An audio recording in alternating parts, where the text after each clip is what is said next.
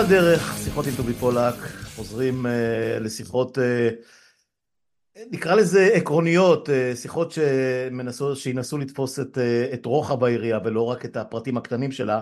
בשביל זה יש לי אורח קבוע, uh, אורח מכובד ורצוי תמיד, פרופסור אבי שגיא. Uh, um, אז הנה אנחנו חוזרים לשוחח איתך, אבי, מה שלומך? כן. קיבלת תשובה עם ההנחה. כן, אנחנו מקליטים בצהריים של הבוקר שבו אה, נודע האסון המאוד כבד בח'אן יונס.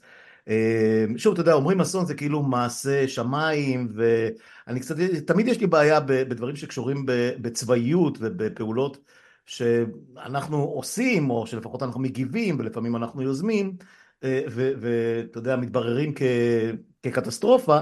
אז להגדיר את זה כאסון זה קצת, אתה יודע, it's a man, man made מה שיקרא בדרך כזאת או אחרת ואני לא יודע איך, אני לא יודע איך להגדיר את זה, כולל אגב אלה שמגדירים את השבעה באוקטובר אסון. נכון, התוצאה היא אסון, אבל סליחה, אה, זה לא, זה לא הרגעה שהתפרץ עלינו, זה לא שיטפון, זה לא צונאמי, זה דברים שהיינו צריכים להבין שהם יבואו, ולא עשינו מספיק בשביל שהם לא יבואו, ונראה לי שחלק גדול מהפעילות הצבאית אה, היום בעזה אה, די דומה לזה.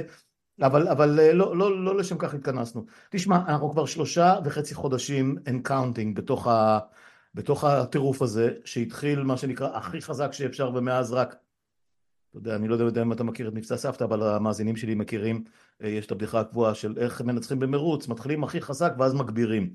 אז אני לא יודע אם אנחנו מגבירים כי קשה להגביר אחרי האלף ו... וכמה שלא היו נרצחים ונשחטים והרוגים, אבל אנחנו ממשיכים לשלם אה, הוראת קבע כואבת מאוד ברמה של ממוצע שניים שלושה חיילים ביום אה, שזה אולי לא הרבה למלחמה בעצימות גבוהה אבל אה, בנסיבות שלנו היום זה המון. ו... ואני מסתכל על הצבא הזה כ... כעיתונאי, כאזרח, כעוקב, כבעל פודקאסט, כ... כמשתתף בטוויטר ועם הרבה מאוד חברים שנמצאים גם בפנים וגם מסקרים והכל משהו בהתנהלות של הצבא נראה לי אה, חורג מכל מה שהכרנו עד היום.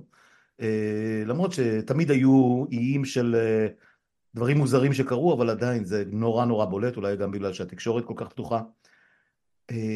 משהו בצבא יוצא מגבולות הגזרה של צבאיות ושל לחימה ושל אמונה בצדקת הדרך ומגיע למחוזות אמוניים לפעמים משיחיים, לפעמים פורקי עול, הרבה פעמים פורקי עול, אה, מורדים במשמעת, מורדים בסמכות, לא רק במשמעת, אה, כמו השלטים על ההאמרים שנסעו אתמול רק להשתחרר בצאלים וכתבו להם שם אנחנו משתחררים בלי שהכרענו או משהו כזה עם למד של הליכוד ללא הכרעה וכן הלאה.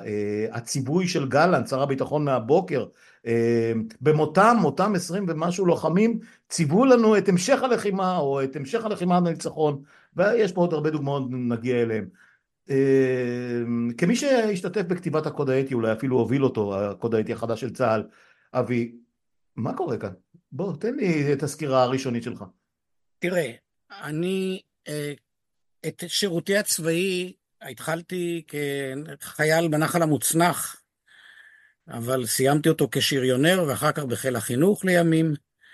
אז הרבה על ענייני צבא נטו אני לא יכול לדבר. אני כן יכול לדבר מתוך תצפית וגם מעורבות על משבר עמוק שמתחולל בתוך הצבא. אני, כדי לייצב את המשבר הזה, אני אספר סיפור מבלי לתת זיהוי. הופעתי בפני אחד מ... אה, אה, בית ספר לקצינים של אנשי מילואים באחד המקומות, כדי ללמד את מסמך רוח צה"ל. עכשיו, אני לא מכליל, ולא כולם דיברו כפי שדיברתי, זה גם לא מתפלג לדתיים וחילוניים, במקרה מי ששמעתי אותם, אני לא, אף פעם לא שם לב אם יש למי כיפה או אין, אין לו כיפה על הראש. באחד המק... שמעתי כמה ביטויים שתפסו את אוזני בצורה נוראית. האחד, הביטוי, את הפלסטינאים בעזה צריכים להרוג בעודם תינוקות. וב', ביטוי שזאת שאלה, שאלה, אבל ההצהרה שלה היא נוראית. אם הם לא מוסריים, אנחנו לא חייבים להם כלום להשטח את עזה. הביטוי הראשון הוא ביטוי נורא, כי מבחינה אתית אין צידוק לפעולה שתכליתה להרוג בני אדם. הצידוק היחידי למלחמה הוא הגנה עצמית. והנה, בתוך חיילים, בסדיר ובמילואים, כי אני הופעתי בפני קורס קצינים של מילואים, אתה שומע את הביטויים הנוראים הללו. אז משבר ראשון שמתחולל בתוך הצבא הוא שההתפרקות הערכית הפנים-ישראלית בחברה חודרת פנימה, וההתפרקות הזאת, לצערי, היא מימין או משמאל. כשאני, ואני מודה וחוזר ומודה, התייצבתי לימין חובת אי הציות לצה"ל עד רגע המבחן, כל מי שמכיר וקורא את כתבה יודע, פורסם על זה אפילו ספר שלי. היה לי עדיין את האמונה שאתה ואני גדלנו עליה, שהצבא הוא מחוץ לסיפור. אבל הצבא בישראל הוא לא צבא מקצועי. הוא באמת צבא העם, לא כל העם צריך להגיד, חלק קטן מהעם, יש חלק שהוא לא חלק מהמלחמה הזאת, חלק שמגובה וממומן על ידי הממשלה הזדונית הזאת, אבל חלק, מי שמגיע לצבא, הוא עם ישראל. מי שציפה שמה שאתה מטפח בחוץ, יגיע רגע מלחמה ותשכח את זה, לא מבין את נפש האדם. כל אחד מאיתנו נושא את מלוא ערכיו פנימה. אז אנשים משיחיים או רדיקליים שהיו באגף הימני האזרחי, יביאו את עולם אמונותיהם לתוך הצבא. אנשים שהיו נגד ההפיכה ולקחו את האחריות לידיהם, גם הם לא תמיד ידעו מתי לשים סטופ ולהגיד, כאן זה צבא, יש מפקדים.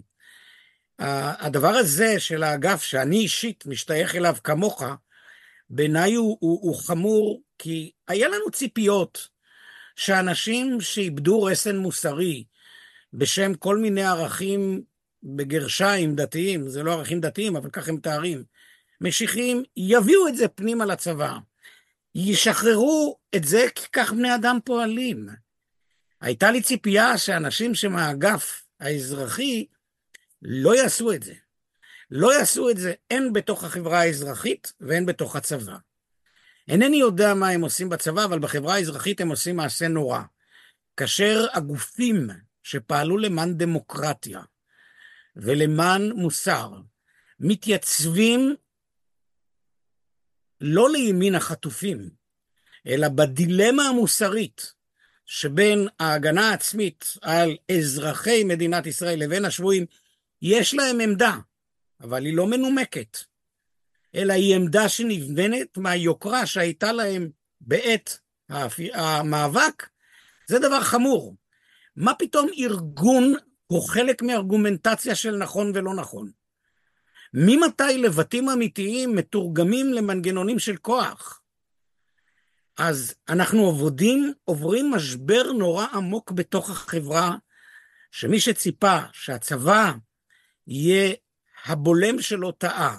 בעבר, בצבא שאתה ואני גדלנו, אמרו לנו שהצבא בונה אותנו כבני אדם. היה אפילו אלוף בצה"ל, קצין חינוך ראשי בשם אלעזר שטרן, שהשגיר צבא בונה עם, ואני זוכר את המלחמות הקשות שלי איתו, ואמרתי לו, הצבא לא בונה עם, איש לא הסמיך אותו, וגם לא עם בונה צבא, הצבא הוא צבא. והצבא יקום ויפול הן על המקצועיות שלו, והן על מערכת הערכים שלו. ואני כעת רוצה לומר לך בכאב עמוק, משהו במערכת הערכים החינוכית, המוסרית, נפגם. ואני אדביר, אסביר בדיוק מה אני מזהה כנפגם. כשאני מגיע לקורס קצינים, ושומע את הביטויים הנוראים הללו, צריך להרוג תינוקות בבטן אימם. הדימוי הראשון שמצטלל לנגד עיניי זה הנאצים, שכך פעלו. הם הרגו יהודים מפני שהם יהודים בבטן אימם. מה זה להרוג בן אדם? ההבחנה בין מעורבים ללא מעורבים היא לא הבחנה בין מי שחסיד מדינת ישראל או מי שנגדה. מותר לפגוע במעורבים, ובתנאים מאוד מסוימים שלא ניכנס אליהם כאן, גם בלא מעורבים. אגב, גם בית הדין בהאג הכיר בזה. זאת אומרת, אין חיסיון מוחלט ללא מעורבים בתנאים מאוד מסוימים. זה לא קארט בלאנש הרשאה לפגיעה. ואני, כשאתה שואל אותי מה רגע המשבר שהבנתי שאנחנו, כותלי ביתנו נופלים עלינו, זה הרג שלושת החטופים. מבחינה צבאית, זה היה בניגוד לפקודות הצבא. כשאדם מרים דגל לבן, אסור לפגוע. כשמפקד אמר לעצור אחרי השתיים, השניים הראשונים ולא עצרו, זה עוד יותר חמור. הרג של מי שהרים ידיים הוא פשע. אתה חושש שמי שהרים ידיים נושא חומר נפץ, אז תפשיט אותו. מוטב שאדם יתבייש ויפגעו בכבודו, אבל לא ייהרג. אבל הרשאה להרג היא רגע מאוד עמוק. אגב, עוד לא דיברנו על המקרה של עורך הדין בירושלים. מה עשה הצבא עם המעשים הללו? מה הצבא אמר? אמרו לנו שזה בלהט המלחמה, אמרו לנו שהם אנשים טובים. במשפט אנחנו מבחינים בין טיעונים, הצדקות לטיעונים לעונש. את כל הדברים הללו צריכים היה לדון בטיעונים לעונש. אבל איך צה"ל אפשר הרג חפים מפשע? עכשיו, זה לא רק צה"ל שמאפשר את זה, אתה מקבל את הגיבוי החיצוני של האדון בן גביר שאומר, תהרגו את כולם, אני אתן לכם גיבוי. מה, מי זה אתה? יש חוק, יש מוסר. אני אומר לך בצורה הכי פשוטה, אני לא מצפה מחייל או חיילת שהגיעו לרגע הקרב, שיתחילו ללמוד קודים מוסריים.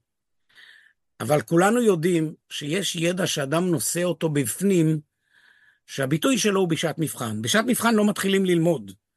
אם אתה בא בידע, הידע מובלע בתוכך, אתה פועל באופן אינטואיטיבי.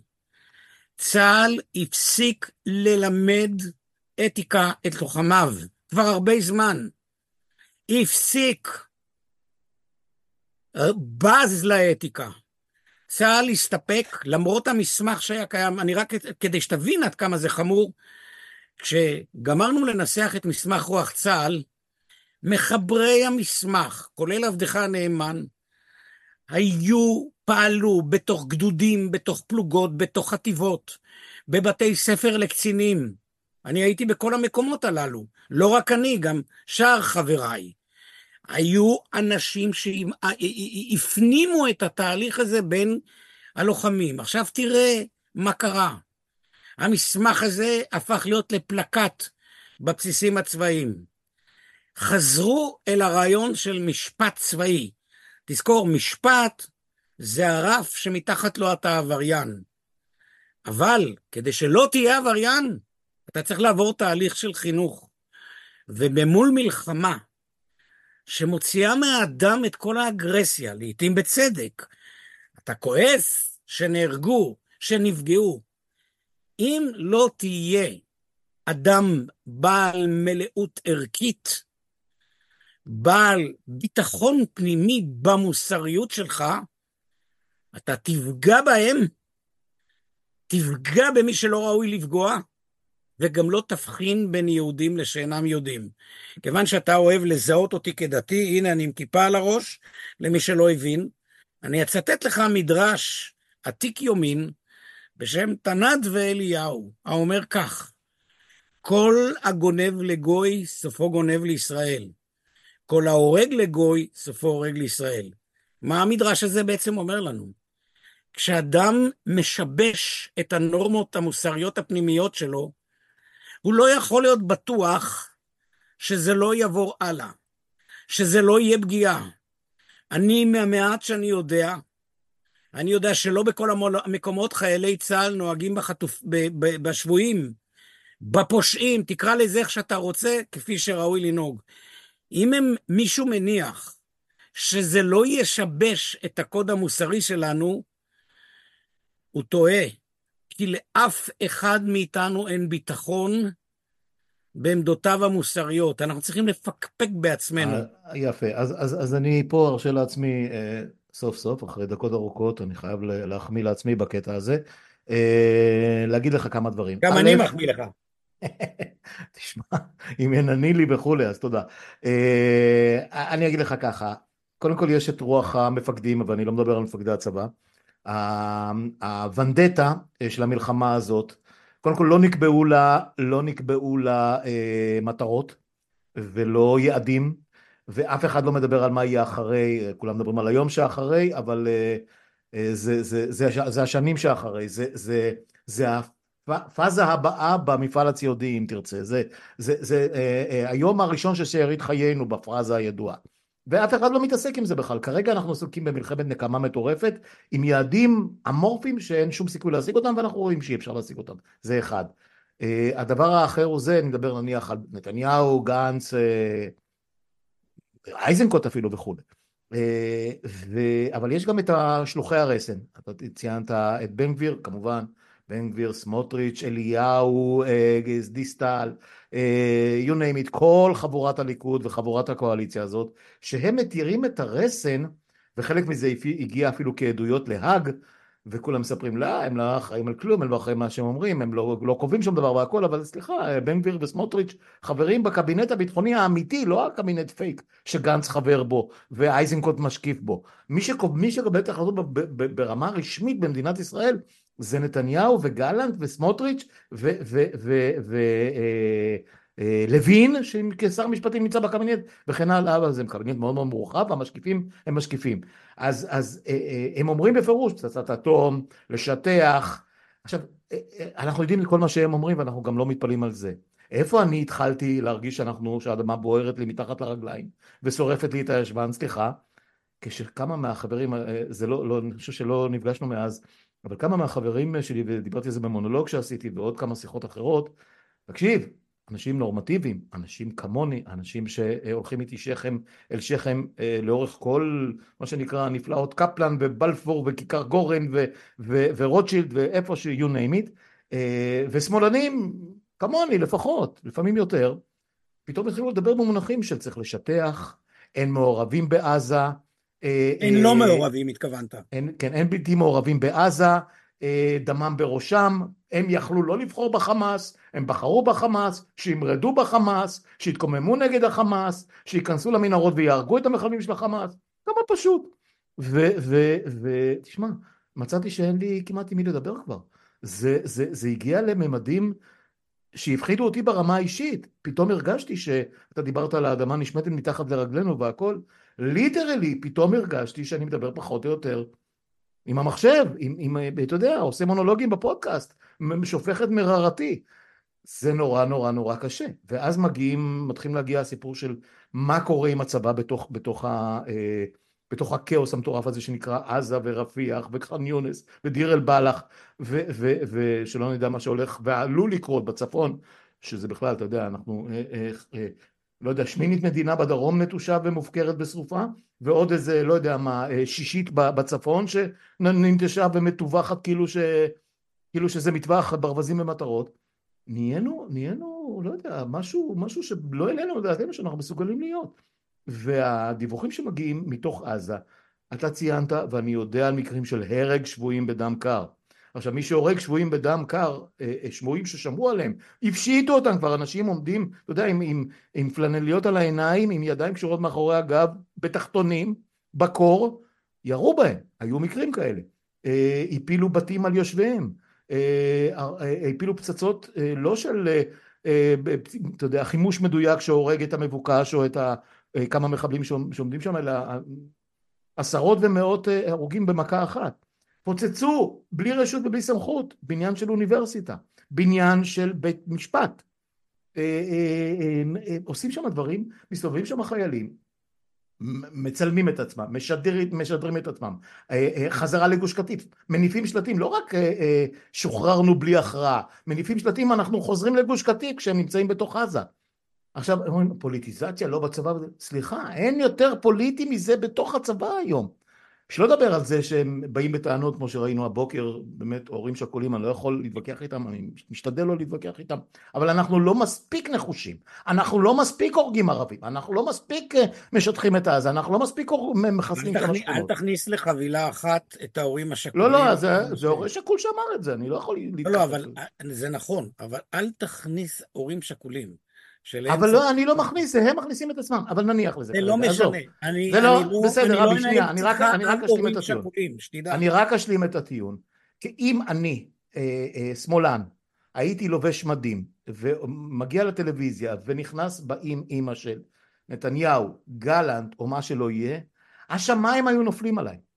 כי מה אתה מכניס פה, אתה מגויס, אתה חייל, אתה בזה, עם נשק בעצלם, ראית, מגיעים מרואיינים עכשיו לטלוויזיה, יושבים עם נשק באולפן, מה נהיה? איפה אנחנו חיים? מה זה פה אה, אה, אה, פלנגות בלבנון? זה, זה, זה טראמפיסטים באיידרו או, ב, או, ב, או ב... לא יודע, אוקלאומה? מה, מה, מה קרה כאן? ו, והתחושה שלי מכל הסיפור הזה, ומיד אני מחזיר לך את, ה, את השרביט, זה שלא רק שהצבא לא מתערב וכבר לא מחנך וזה כבר לא אה, הופך אותם לאנשים יותר טובים והכל, הצבא מפחד. המטכ"ל, הרמטכ"ל, שר הביטחון, כל מי שיש לו את האחריות על הדבר הזה, חושש מאוד לגעת בכל העשבים השוטים האלה, כי הם כבר לא עשבים שוטים ואולי זה כבר נהיה הנורמה של הצבא כפי שאנחנו חשבנו שאנחנו מכירים אותו פעם, אבל אנחנו לא מכירים אותו וככה הוא נראה היום. איך אתה מתמודד עם כל החבילה הזאת? קודם כל, אני, אני כן רוצה להפריד בין הטיפול בדרג המדיני לדרג הצבאי, מהסיבה מאוד פשוטה. את הפה של פוליטיקאים, לא אתה ולא אני יכולים לשלוט עליו, לא בטוח שהם שולטים עליו. יכול להיות שזה יחידות אוטונומיות שעובדות על מנועים עצמיים. חיילי צה"ל, מפקדיו, מפקדותיו ובחיילותיו, זה משהו שבעיניי הוא משבר עמוק, שהוא סימפטום של משבר חברתי עמוק. כולל אותו משבר שבו בנעורינו ידענו לשים קו גבול חריף בין השירות בצבא לבין האזרחות, למרות שכולנו נושאים בצקלוננו את המרחב האזרחי. היעדר ההבחנה בין הצבא לאזרחות הוא חלק מההתרסקות של שיטת המשטר הדמוקרטי-ליברלי. כשאני אומר התרסקות, זה לא בהכרח התרסקות לכיוון הפשיסטי, גם זה, בהחלט. כשה... צבא הוא בעצם הזרוע של, לא של המדינה, אלא של הממשלה, צריך להבחין בין מדינה לממשלה, אלא גם של אותן קבוצות, שבאופן כללי, מתוקף הנסיבות, התייצבו מול. את כל העימות הקודם שהיה על המרחב האזרחי, הבאנו פנים. האדונים הגאונים שניסו להנדס את מדינת ישראל וטבעו את הסיסמה המטופשת ביחד ננצח, לא שאלו את עצמם מה המושג ביחד אומר.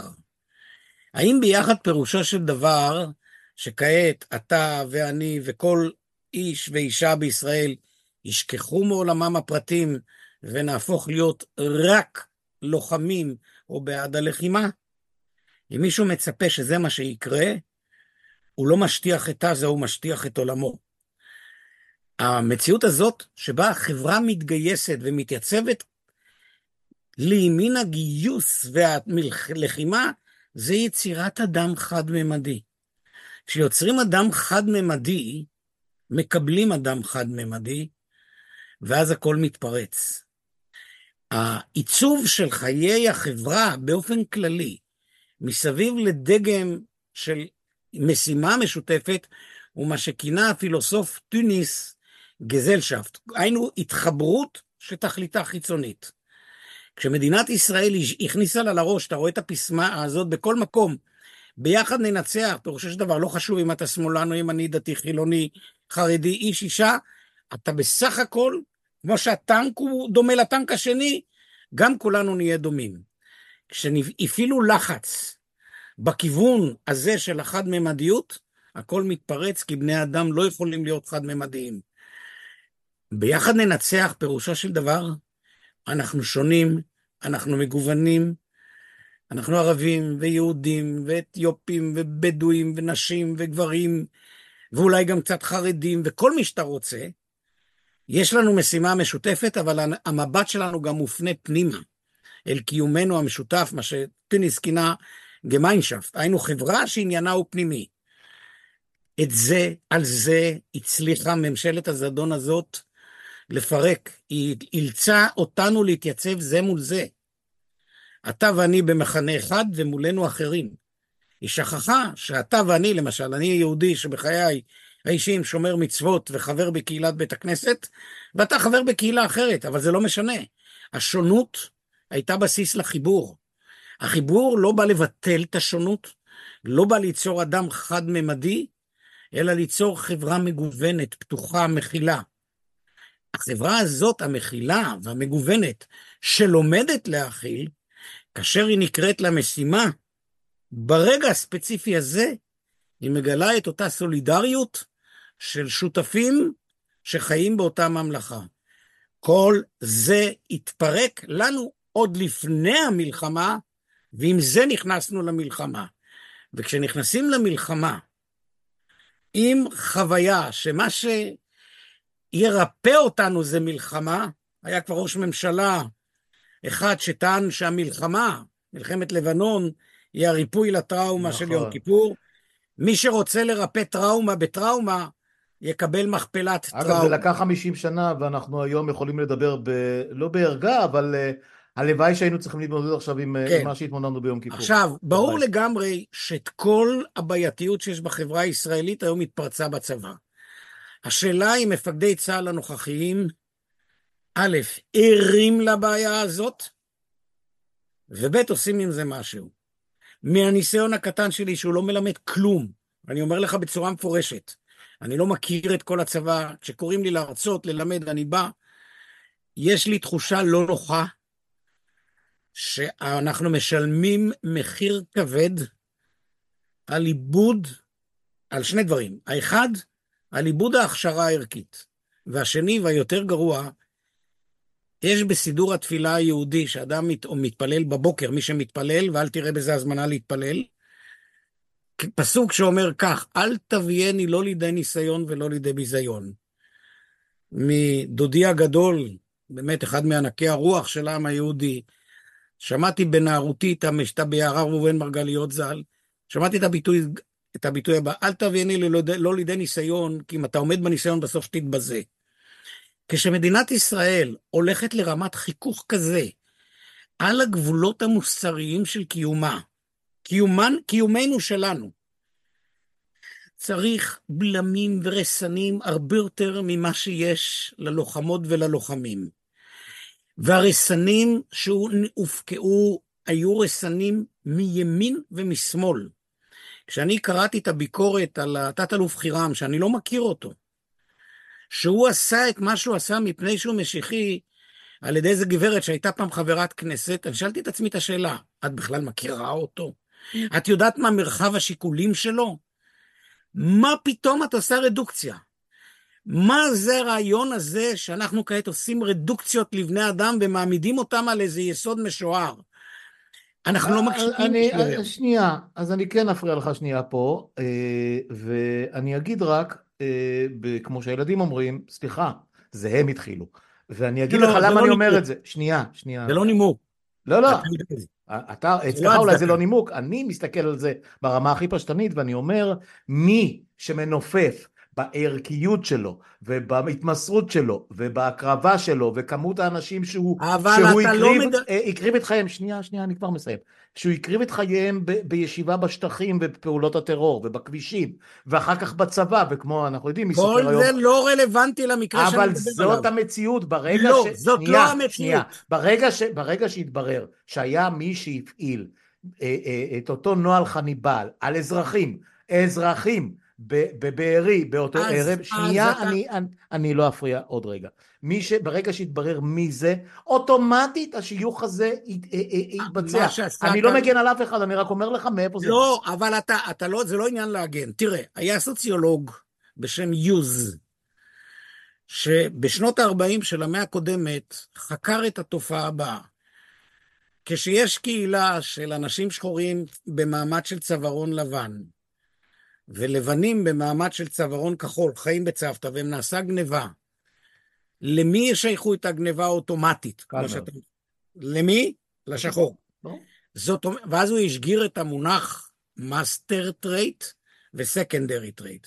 שחור זה תכונה ראשית, ויש לו אשכול. מה שאנחנו עושים בתיוג, קוראים לתופעה הזאת תיוג, נכון, תיוג בעברית. נכון, נכון. הת, הרי התיוגים הללו לא התחילו היום. אני לא אני אומר שהם התחילו אני היום. אני מסכים איתך, בגלל זה אני אומר שלא רגע, אני התחלתי עם התיוג. זה בכלל, אני לא אמרת, אני לא באתר... לא שאני מגן עליו, אני לא, אני לא טענתי נגדו. אני רוצה לומר... ולא ידעתי מי הוא בכלל, לא שמעתי את השם הזה אני בחיים. לא, אני אומר לך שוב, כשילדים עושים שטויות מהסוג הזה, ילדים צעירים, אז אנחנו מחנכים אותם לא לבצע, לא, לא לעשות סטריאוטיפים. כשמי שהייתה חברת כנסת ומנהיגת מפלגה עושה את זה, אני אומר לה, גברתי, מה את יודעת על האיש? את יודעת על האיש משהו שהוא לא יודע. את מדביקה... נכון, אבל זה נכון גם בכיוון ההפוך. ברור! אתה נכון. חושב ש... אתה אבל חושב... זו, זה רמ... זו רמת השיח היום. לא, זה לא רמת השיח. אדוני היקר, אני אזכיר לך, טובי, בתקשורת בינינו. אתה זוכר איך הצגת אותי פעם? ציוני דתי. אני זוכר היטב, אני גם זוכר כמה שזה, מה... כמה שזה הקפיץ אותך. נכון, זאת אומרת, עברנו לחברה חד-ממדית, מתייגת, לא קשובה, עכשיו כל זה נוחת לתוך הצבא. אתה יודע למה אני אוהב את הביטוי ליימן? כי הוא בדיוק מי שאני.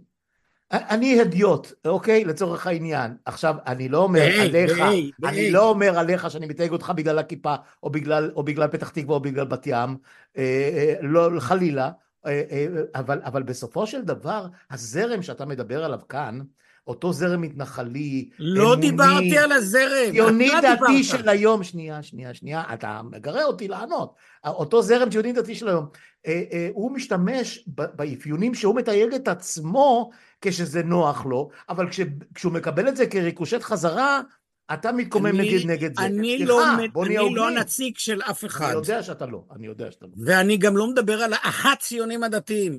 אני מדבר על החברה הישראלית כאדם אוהב שחי כאן, ואומר בצורה הכי קיצונית, שבכל הקריירה האקדמית שלי עשיתי אותה כמעט לא, בלי להיות בכנס אחד בחוץ לארץ משיקולים עקרוניים, ואני די מוכר בעולם, זה המקום שלי, ואני אומר, כשאני רואה את העובדה הזאת, שאנחנו, א', תופסים את עצמנו באופן חד-ממדי, ואת זולתנו באופנים חד-ממדיים, מימין ומשמאל, אמרתי לך.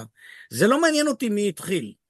כשאנחנו נבוא לצבא, זה המקום שבו יתפרץ כל מה שנדחס תחת החד-ממדיות הזאת. אם מישהו מצפה שנוכל להפריד, לבצע מידור בין עולמנו בחברה האזרחית לבין מה שקורה בצבא, הוא טועה. הרי למלחמה הזאת קדם מאבק עיקש בין שתי תפיסות עולם על אודות הדמוקרטיה הליברלית וכנגדה. אנשים היו כאן או שם.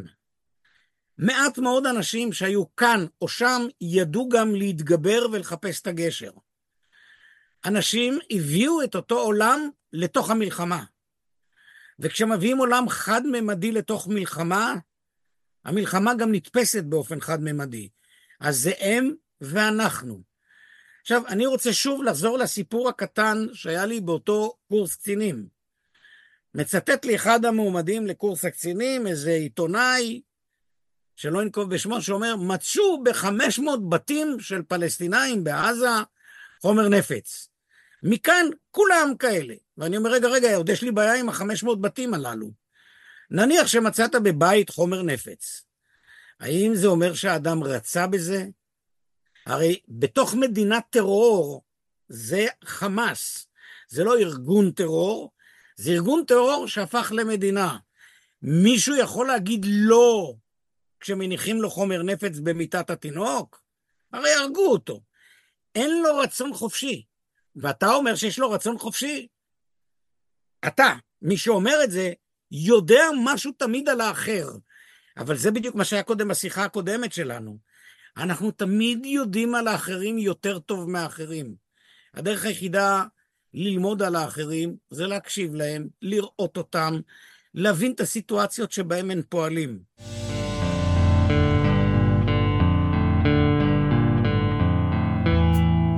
במדינת ישראל ישנה הנהגה פוליטית שמכוונת לחד-ממדיות. איך אני יודע שהיא מכוונת את זה? אני מקשיב. כשראש ממשלה או חברי קבינט מדברים על ניצחון, תקשיב מה שאני הולך להגיד, ניצחון הוא לא עקרון הגנה עצמית. עקרון ההגנה העצמית הוא שאתה תשיג את המצב שאתה לא מותקף.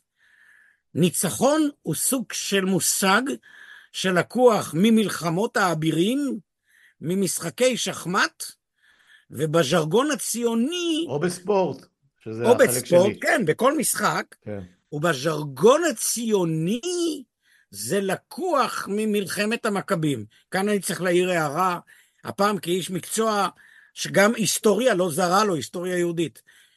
איזה ניצחון היה למכבים, זה הכל הרי סיפורי בדים, כן. קוראים את ההיסטוריונים ומבינים. בקלאבים הציוניים דיברו על ניצחון. עכשיו, אז כשמדינה משגירה לעצמה מושג כמו ניצחון, מה זה לנצח? מה פירוש לנצח את החמאס? מה, שכל האדמה לא תהיה יותר פלסטינאים? אז זה- אבל, אבל זה בדיוק הבעיה, אבי, אבל זה ש, האחד- שזה מה ש... זה מה שהשתילו לנו. אתה יודע, כל הזמן באים בטענות על, על האינדוקטרינציה ועל שטיפת המוח. לא, זה לא ועל השתילו ספרי הלימוד, לה. שנייה, שנייה, לא שלנו, של הצד השני, של, של, של, של מערכת החינוך הפלסטינית, ומערכת החינוך, ככל שיש כזאת, של החמאס, על הקייטנות שעושים להם, קייטנות הנשק אין, והתחמושת. אין בעיה, תשמע. לא, אבל אני- אני אומר, אנחנו עוברים את אותם תהליכים, זה אני העניין. לא חושב, אני לא מסכים איתך, אנחנו לא חמאס. לא, אנחנו לא חמאס, אנחנו חמאס לא, לא, בגרסה לא, לא, מקומית. לא, לא, לא. עדיין ישנה הבדל, יש הבדל דרמטי, רק בלילה כל הפרות שחורות. מדינת ישראל, אזרחי מדינת ישראל, צה"ל, לא יהיה ולא היה אף פעם אז חמאס. מאיפה באים החברים שלי, אנשים טובים אחד-אחד, אני אומר לך ומדברים את איתי על זה. זה שאין בלתי מעורבים אז בעזה, את- אני ומה זה לך, לשטח, ומה זה אין שני מיליון חפים מפשע. אז אני אומר לי. לך בצורה הכי פשוטה. ואתחיל איתך בסיפור מקראי. אתה, כולנו אוהבים מקרא כמיתוס מכונן. אוקיי, נניח. כשאלוהים פוגש את קין אחרי שהוא רוצח את אחיו הבל, והוא רואה אותו עצוב, אז הוא אומר לו כך, לפתח חטאת רובץ, אתה יצור מועד לחטא, ואליך תשוקתו, יש לך תשוקה לחטא, אבל אתה תמשול בו. המיתוס הקדום זה המיתוס של התגברות האדם, יכולתו לשלוט. חכה, זה רק סיפור אחד. אני מחכה, אני שתקתי. הגננת עכשיו מספרת סיפור. מגיע הסיפור המבול, שבו אלוהים הורס את העולם בגלל שאנשים מנוולים. זכור המקרא אף פעם לא אמר שאסור לגנוב. הנחה של המקרא זה שבני אדם אמורים לדעת שהם צריכים לנהוג בהגינות ולא בחמאס. ואחרי שהוא עושה את הכל, הוא מתחייב יותר לא לחולל את המבול. תחשוב שהוא מתחייב יותר לא להרוס את העולם, כי העולם נהיה טוב. אבל המספר המקראי מכניס משפט נורא. כי יצר לב האדם רע מנעוריו. איש לא חסין מרוע. אתה יודע מי חסין מרוע? יצורים לא אנושיים. היצור האנושי הוא חיים. עלול לרוע. בעלי חיים. השאלה העמוקה היא לא איך האדם עושה רע, כפי שקאנט מנסח את זה באחד המקומות. איך מהעץ העקום הזה, זה לשונו של קאנט, יוצא פרי טוב. והתשובה היא רק על ידי מאבק מתמשך. כשבני אדם מכניסים לעצמם לראש שהם טובים, שזה מהותם, זה הרגע שהם איבדו את הבקרה המוסרית. חבריי, עמיתיי מהשמאל, שאני באמת אוהב אותם, זה עמיתיי, אני קרוב ל, לרוב העמדות שלהם, לא מגלים חמלה, לא גילו חמלה. כלפי יהודים, כלפי עניים כאן, והיו טרודים כל הזמן בשאלות של זכויות. ואני אומר להם, חברים יקרים, זה בסדר, גם אני שותף למאבק הזה. אבל לא יכול להיות שתחיו כמו ג'ירפה שרק רואה רחוק ולא מתחת לרגליים שלה. והתשובה לכך, למה הם עשו, למה רבים מהם פעלו כך? מפני שהעמדות הליברליות מחנכות לניכור. תדאג לאינטרסים שלך, תדאג לזכויות שלך. אתה לא צריך להיות... הליברליות הקלאסיות, העניין הוא שהליברליזם, ככל שאנחנו גדלנו עליו, הוא ליברליזם הרבה יותר אה, אה, סוציאליסטי, אם אתה רוצה. זאת אומרת... הסוציאליזם, ה- אתה, ה- אתה, אתה מנסה... המיקס של מדינת הרווחה הוא, נכון הוא לא ליברליזם מאוד. קלאסי, נאו, ניאו-ליברלי קלאסי. מעולה מה שאמרת, סוציאל דמוקרטיה, כן. הוא ניסיון להיאבק בזה. אנחנו מנסים לרבע את המעגל. אנחנו רבים- רוצים להיות מבוססים, אבל עדיין מסתכלים ורואים, ומוכנים לשלם ולא- מס גבוה, נכון. אם אנחנו מרוויחים טוב, בשביל שלכל השאר מצוין, גם יהיה. אבל במציאות הישראלית לא, הפתוס האידיאולוגי הנוקשה לא איבד את כוחו. החד-מימדיות הזאת. עכשיו, כשאנשים הם חד-מימדיים והעולם שלהם מתרסק, קורה בדיוק אותו היפוך. אני מצפה מאדם מוסרי שלעולם לא יאמר את הרעיון הנורא הזה, להשטיח את, להרוג את כולם. אני מצפה מיהודי שבזיכרונו טבוע מה שהתחולל לפני פחות ממאה שנה. ה- הפשעים של הנאצים, שלא יעלה על דל שפתיו את המחשבה שמותר לפגוע בבני אדם כך סתם. אז אני אגיד לך איפה פה הם עונים. אני, אני פה, אני, אני, לפני שאני אשכח, הטענה היא שהמעשים של חמאס בשבעה באוקטובר היו מעשים נאצים. בפירוש, אלה המילים. נניח, ובגלל שהם התנהגו. שנייה, בגלל שהם התנהגו ככה, לנו מותר להתייחס אליהם כאל זרע עמלק. אגב, ראש הממשלה דיבר רגע, על רגע, עמלק. רגע, רגע, תעשה, תעשה כאן סמטוחה קצת. אני יודע. אני יודע. אבל לפחות בקטע הנאצי, פה יש להם תשובה. מותר, אין לי ספק שהחמאס נהגו באופן דומה לנאצים. תזכור שאחד הפשעים שחברה יקרה שלי, שגם בעברה הייתה תלמידה שלי, כוכב אלקיים, היום היא פיגורה בינלאומית, עמלה עליו זה להכניס פשע נוסף בעקבות המלחמה הזאת, והוא לא רק הרג יחידים, אלא רצח משפחות. כן, כן. וזה עסק רציני. קהילות שלמות, לא רק משפחות, כן, ממש כן, כן, קהילות. כן. זאת אומרת, הדמיון לפעולה הנאצית כאן הוא נכון, נכון. אבל את האש צריך לכוון אל הפועלים. אבל הטענה היא שהם מסתתרים מאחורי אזרחים, הרי אתה אה, מכיר רגע, את רגע, רגע. הטענות. אם הם מסתתרים מאחורי אזרחים, אז אזרחים דמם בראשם. לא, אף אחד אבל לא אבל- אומר אבל את זה. זאת התשובה אבל. כשאומרים לך את זה החברים שלך, נו, אז הציפייה שלי מהם, חברים יקרים, תפעילו, תניחו לרגע את הרגש ותפעילו את יכולים. שיקול הדעת. אבי, אם אתם לא מה יכולים, שקרה כאן בשלושה וחצי חודשים האחרונים זה אתה- איבוד שיקול הדעת. אז אני אומר לך בצורה הכי ברורה, העובדה, תחליף חברים. לא. א', תחליף, כן. אני עם אנשים כאלה לא הייתי הולך לים, אין לי אחרים, אין לי. אחרים, סורי. מה לעשות? מה ב'. אני בניגוד לך יותר אופטימי ביחס לחברה הישראלית. טוב, מפני שאתה, לזה. אני אגיד לך מה ההבדל הדרמטי בינינו. אתה כאיש תקשורת, הכותרות תופסות אותך. אני כאדם שאוהב בני אדם, הדיאלוג הוא מרכז חיי, המפגשים עם בני אדם, ואני פוגש אנשים טובים, אנשים נפלאים, לאורך כל הדרך, ביומיום. אני רואה אותם. יש טוב לב אנושי שנוכח בעומק, ואתה יודע, יש בביטוי תלמוד, הלל מחייב את העניים. זאת אומרת, הלל שהיה עני גדול ולמד תורה, הוא מחייב את כל העניים. קיומו של טוב אנושי הופך להיות המצפון אבל לפני רגע אמרת שיצר האדם רע מנעוריו. מעולה. זאת אומרת, טוב לב אנושי הוא לא... הוא לא הוא לא הדיפולט, לא הוא לא ברירת המחדל. לא, לא, לא, זה לא עניין של ברירת מחדל. השאלה שלך היא מצוינת. כשאדם הוא טוב, אין לו ביטחון וערובה שהוא יהיה לנצח טוב. טוב הוא לא תכונה מהותית של האדם. בלשונו של קאנט, אדם צריך להיאבק על טוב.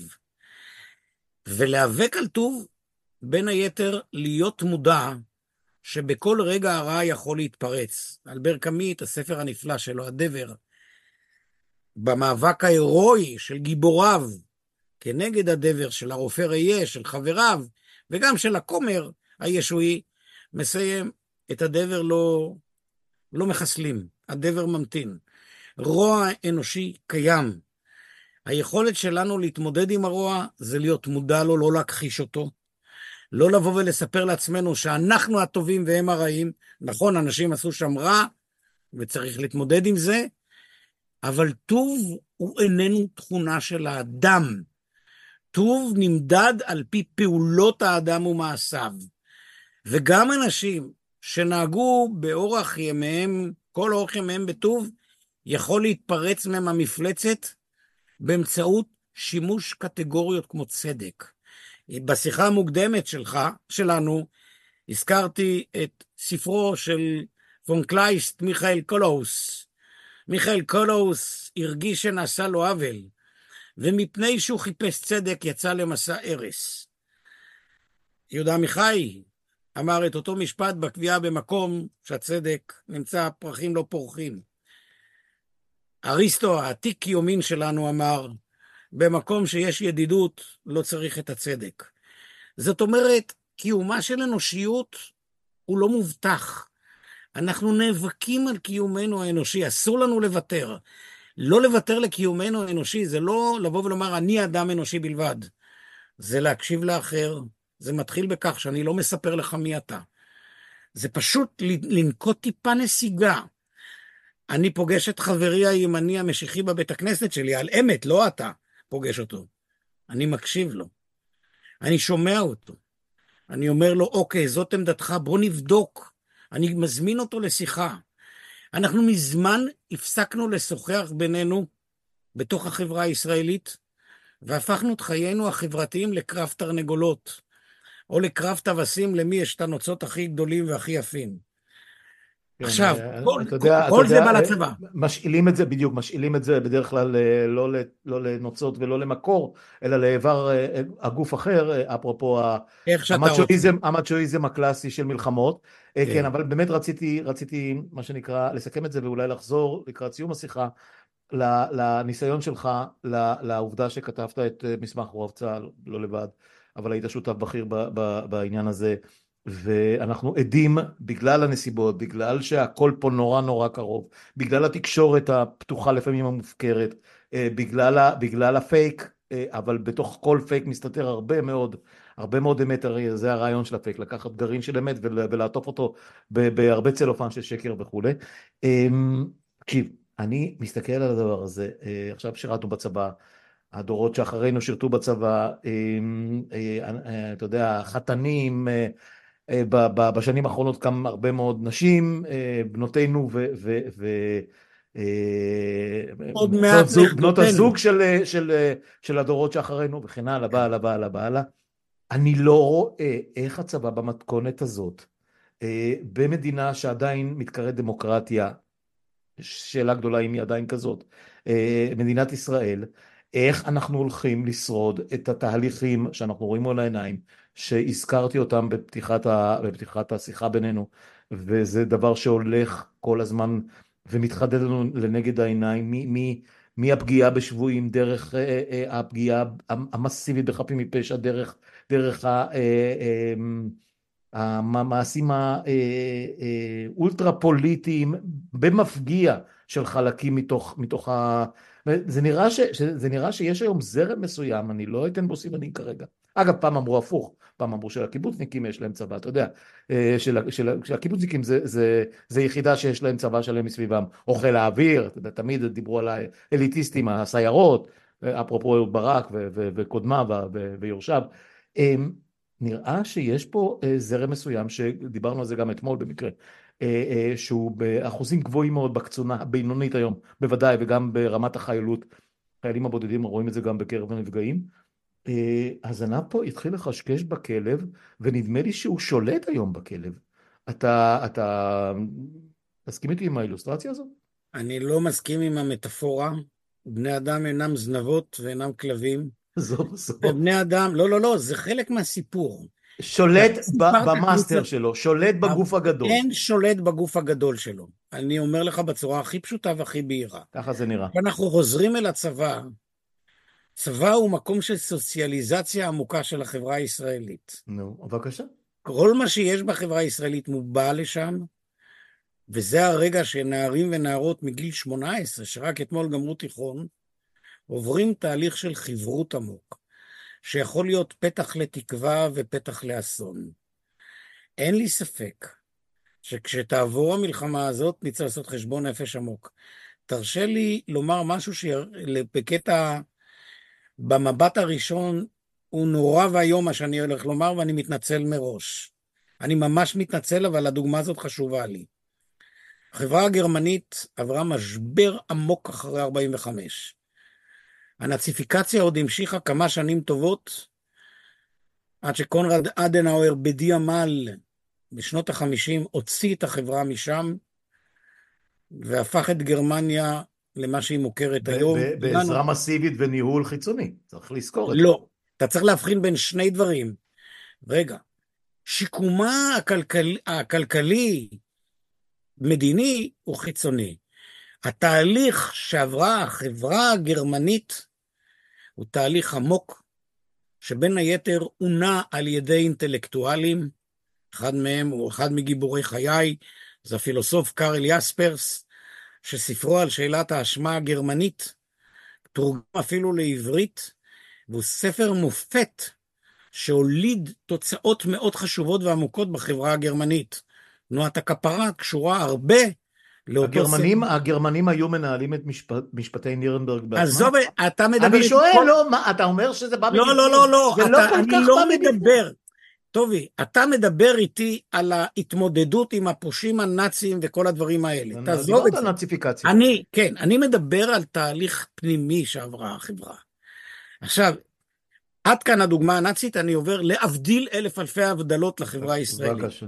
החברה הישראלית לא עברה נאציפיקציה. לא, ודאי לא שלא. התנחלות זה התנחלוזציה. לא יודע, גם התנחלות זה עדיין לא נאציפיקציה. לא, לא, לא, אני לא, אני לא השתמשתי בביטוי הזה מלכתחילה. לא, אני אומר את זה בצורה הכי ברורה. בסדר. לא בימין המשיחי, לא בימין הריאלי יותר, לא בשמאל ולא בשמאל. אני לא, אני לא משתמש בביטויים האלה, צריך להוציא את הביטויים הללו. היא כן עברה היום, ועוברת היום משבר עמוק. משבר בכמה מישורים. האחד משבר ביטחוני, שייפתר כך או אחרת. השני משבר קיומי. היינו, חשבנו שאנחנו חיים בבית בטוח לעם היהודי, ואנחנו לא חיים אפילו בממ"ד בטוח. לא חווינו את זה מאז קום המדינה ועד היום. וההיבט השלישי הוא משבר מוסרי חברתי עמוק. מתוך היכרות עמוקה, ואני מסתובב בבתי ספר, ואני ממש מגיע.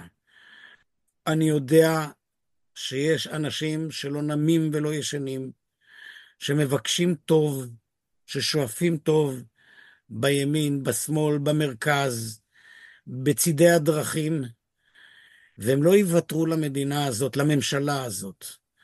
הם לא...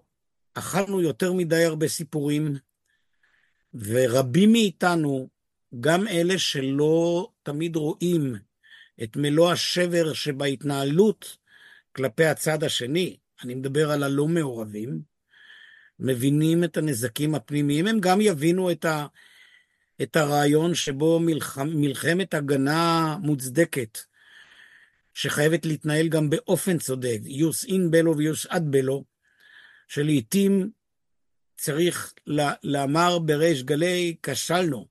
כשמדינת ישראל הופכת את הסיוע ההומניטרי לכלי מלחמה, זה כישלון.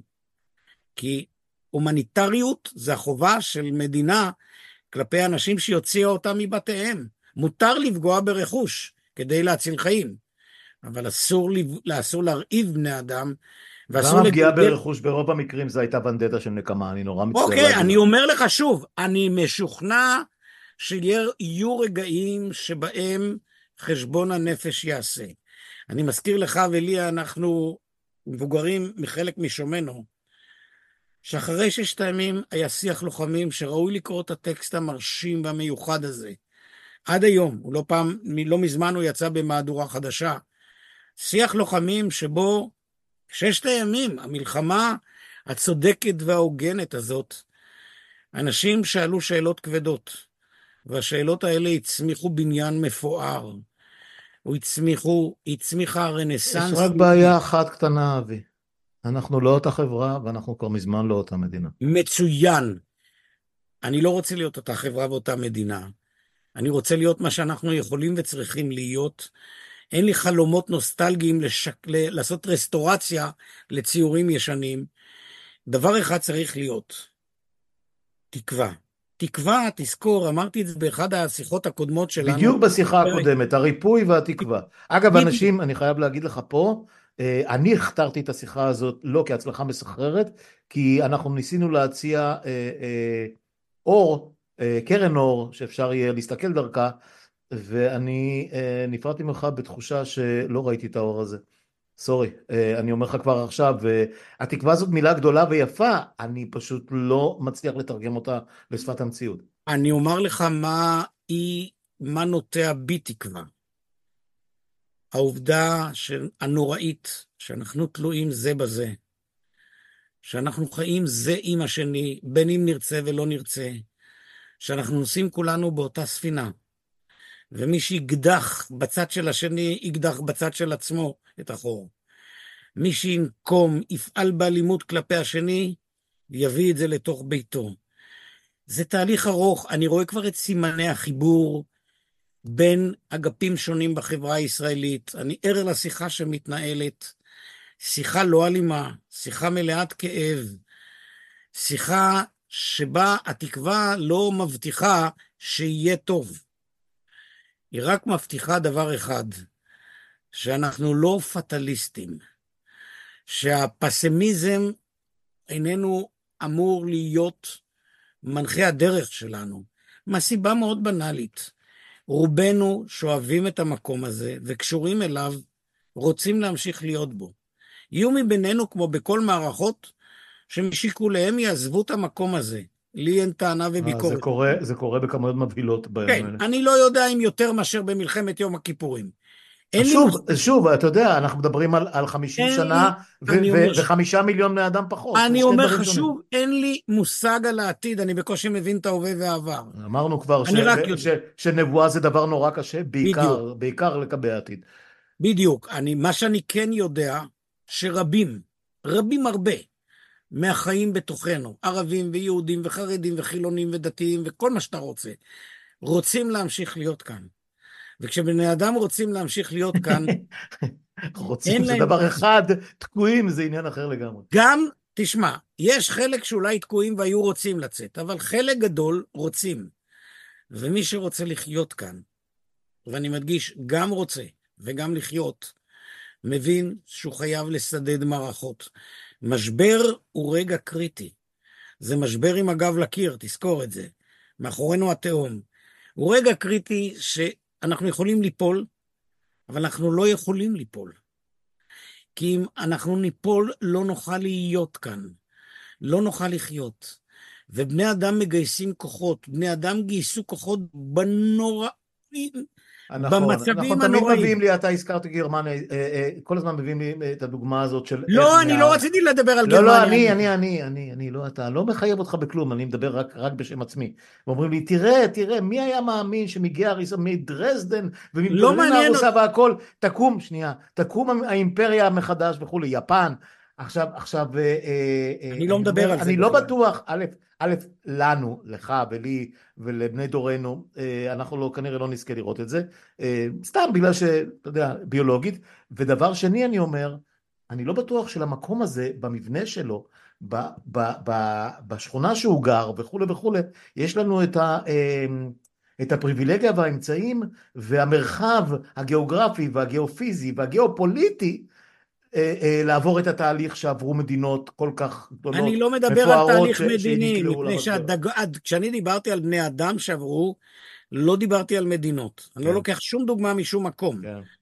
אני לוקח את הטענה הקיומית, האקזיסטנציאליסטית, כן. שבני אדם, חלק מהכוח שמוליד אותם זה האין ברירה. עם גב לקיר. כן, השרידות, כן. והתופעה הזאת מתהוות ומתחוללת. מי שמתמלא ייאוש, אני מציע לו לקחת את רכבו ולהסתובב ברחבי ישראל, ולראות. אתה מתכוון, אתה מתכוון באופקים נתיבות או בקריית שמונה ושלומי? בכל מקום. לא, לא, כי זה שטח צבאי סגור. עזוב. את השטח הצבאי הסגור. אני, חייב, אני לא הייתי מדבר- חייב. אני מדבר, הציניות היא טובה, אבל לא. פה צריך רגע של השניה מתנצל- ציניות. אני מתנצל, לא, אבל אתה זה לא צריך חזק להתנצל, ממני. אנחנו חברים, זה בסדר. גם לי יש רגעי ציניות. להסתובב. בארץ ישראל היפה, במאמצים שמשקיעים אנשים לעזור, להושיט יד, לנחם, להיות עם, אלה הם רגעים מופלאים, ואני לא מדבר כרומנטיקן, אני לא רומנטיקן. אני פשוט רואה את זה. רואה את ההתגייסות כאשר משפחה יושבת באבל, ואיש מוצאת כן, הודעה, הקריאות, הקריאות להגיע ללוויות של חיילים בודדים. זה- ואנשים מגיעים, כן. ולא מגיעים כדי לסמן וי. לא, לא, לא, אנשים. מרגישים צורך, אין ספק בכלל. אין, לא רק שמרגישים צורך, גם זה לא מעניין אותי, אלא מלווים, נוטלים אחריות. האחריות שמוטלת על כל אחד ואחת מאיתנו, להיות לא רק מה שהוא כבר, אלא מה שהוא יכול להיות בנסיבות הללו, ואני מאמין בזה. אני מאמין שיהיה רגע שההנהגה הפוליטית במדינת ישראל תתחלף, כי אין ברירה אחרת, והכל יהיה מתון יותר. אני מאמין שאידיאולוגיות שמטבען הן נוקשות, יוסטו הצידה בגלל הנוקשות שלהם, לא אצל כולם, אבל אצל רבים, יעדיפו, הם יעדיפו, רבים מאיתנו יעדיפו את בני האדם על פני האידיאולוגיות הנוקשות. אני רואה את זה. אתה תמיד שואל אותי על ציונות דתית, אז אני, אתה יודע מה עמדתי המורכבת כלפיה, אבל כשאני רואה את זה בתוך קהילות בתי הכנסת שאני קשור אליהם, אתה רואה את הרגעים האלה. אתה רואה גם את, רגעי, את הרגעים הנוראים הללו. את האימה שאתה לא רוצה לראות אותה, אבל אתה רואה גם את החיבור הגדול. ואתה יודע, ללמדן יש את אותו פואמה אדירה מסדה. מסדה יש שם את הריקוד שהוא נעשה על פני תהום, אבל בתוך אותו תהום ואימה פנימית, נתינת הידיים המשותפת מובילה את היכולת להמשיך. נטילת הידיים המשותפת הזאת לא קשורה למנהיג פוליטי, היא לא קשורה לרמטכ"ל צבאות ישראל, היא קשורה לחיים האזרחיים הפשוטים, שאתה, אני וכל אחד מאיתנו חווה ונוטל חלק בשותפות במעגלים הולכים ומתרחבים. ומי שלא רואה את זה במציאות הישראלית הוא פשוט עיוור. מי שלא רואה את זה במציאות הישראלית, הוא חוזר על הקביעה הנוראה של ביאליק, אם יש אלוהים יופיע מיד. המיידיות. הרגע, אם אין פתרון כמו הנרקסיסט, הטיפוסי, שכשהעולם לא מתנהל לפי המשחק שלו, שכולם יהרגו, והוא לא יוותר. טיפה לוותר על היומרות ועל היוהרה, לחולל שינוי דרמטי בעולם. להיות עם, להסתובב עם, לחבק, לאסוף, להוריד את הפתוס האידיאולוגי. הוא כבר יורד והוא ירד, הפעם לא תמיד בנסיבות טובות. עשינו מה שקרוי, בחרנו transference object, העברנו את כל המתח, את כל האימה על העזתים, הטובים והרעים שביניהם. יהיה רגע שנצטרך להתמודד עם עצמנו. איך מחר בבוקר ממשיכים להיפגש בסופרמרקטים, בבתי החולים, בתיאטרון, ברחובה של עיר. עד היום אתה יוצא החוצה, לרחוב. אם אתה צריך עזרה, תמיד יהיה מי שיושיט לך יד. זה לא נעלם. מי כמוך, אני יודע את זה ממסעותיי בחוץ לארץ. יש מקומות, לא כל המקומות חס וחלילה, שאתה יכול למות במקום ואיש לא יסתכל עליך. לא בישראל. גם זה לפעמים קצת אגדות יותר ממציאות. זה אבל... לא אגדות. אני ראיתי, אני, אני ראיתי וקראתי סיפורים על, על, על התעלמות פה בארץ ועל עזרה יש, מופלאה בוודאי, במקומות אחרים. בוודאי, אומר, אבל יש נינוחות. אנחנו, אני אגיד לך, אני אגיד לך, אנחנו פשוט, אה, אה, אני מתנצל, אבל אנחנו צריכים לסיים, אה, עברנו את השעה ויש עוד כמה דברים שקוראים לי להמשיך, אבל אני חושב שהם מיצינו את העניין. תשמע, אני, אני, אני לא אסכם, אני אגיד שאני אני אשאיר את, ה, את המאזינים שלנו, קודם כל עם, עם עם הציפייה לעוד, כמו שצריך תמיד, ועם, ה, ועם הגישה האופטימית שלך, האופטימית הזהירה, האופטימית המאמינה, נקרא לזה איך שאתה מציב, לאו דווקא אמונה במובן הקלאסי שלה. אני מאמינה, מאמין באדם. בדיוק. זה אתה אומר, בדיוק, אני מאמין באדם. באדם, כמו שהם אמרו בשיר. טוב, דעתי ידועה, אה, אבל אני לא, שוב, לא אקלקל לך, ו... ועדיין אני חושב שלא מצינו את הסיפור, ב... ב... את, ה... את, ה... את הדיון, ואולי אתה לא הכתובת, אולי, אולי לא רק אתה, בטוח לא רק אתה, על, על איך מתגברים על הזרמים המאוד מאוד בעייתיים שנמצאים בתוך הדבר הזה שנקרא אה, ממלכת הביטחון. אם תמצא, מישהו, אם תמצא מישהו שיש לו פתרון קסמים... לא, לא, לא פתרון, לא דיברתי על הפתרון, דיברתי על בכלל לאבחן את הבעיה, כי היא... כי היא, אה, אה, היא מאוד מאוד מאוד מורכבת.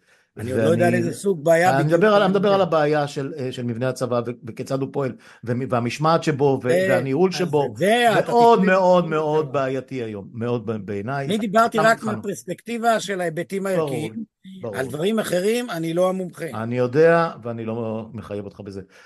בסדר, בסדר, חזרנו, חזרנו לדיונים החשובים של חיינו, בעיקר מה שנקרא במבט צופה עתיד. אבי שגיא, אה, תודה על השעה הזאת. אה, אחרי כמה תלאות, צריך להגיד, טכניות ואחרות, הצלחנו איכשהו להתגבר ועשינו את כן. זה. אה, וכרגיל, נתראה בפעם הבאה. תודה. בבקשה, להתראות. ביי ביי.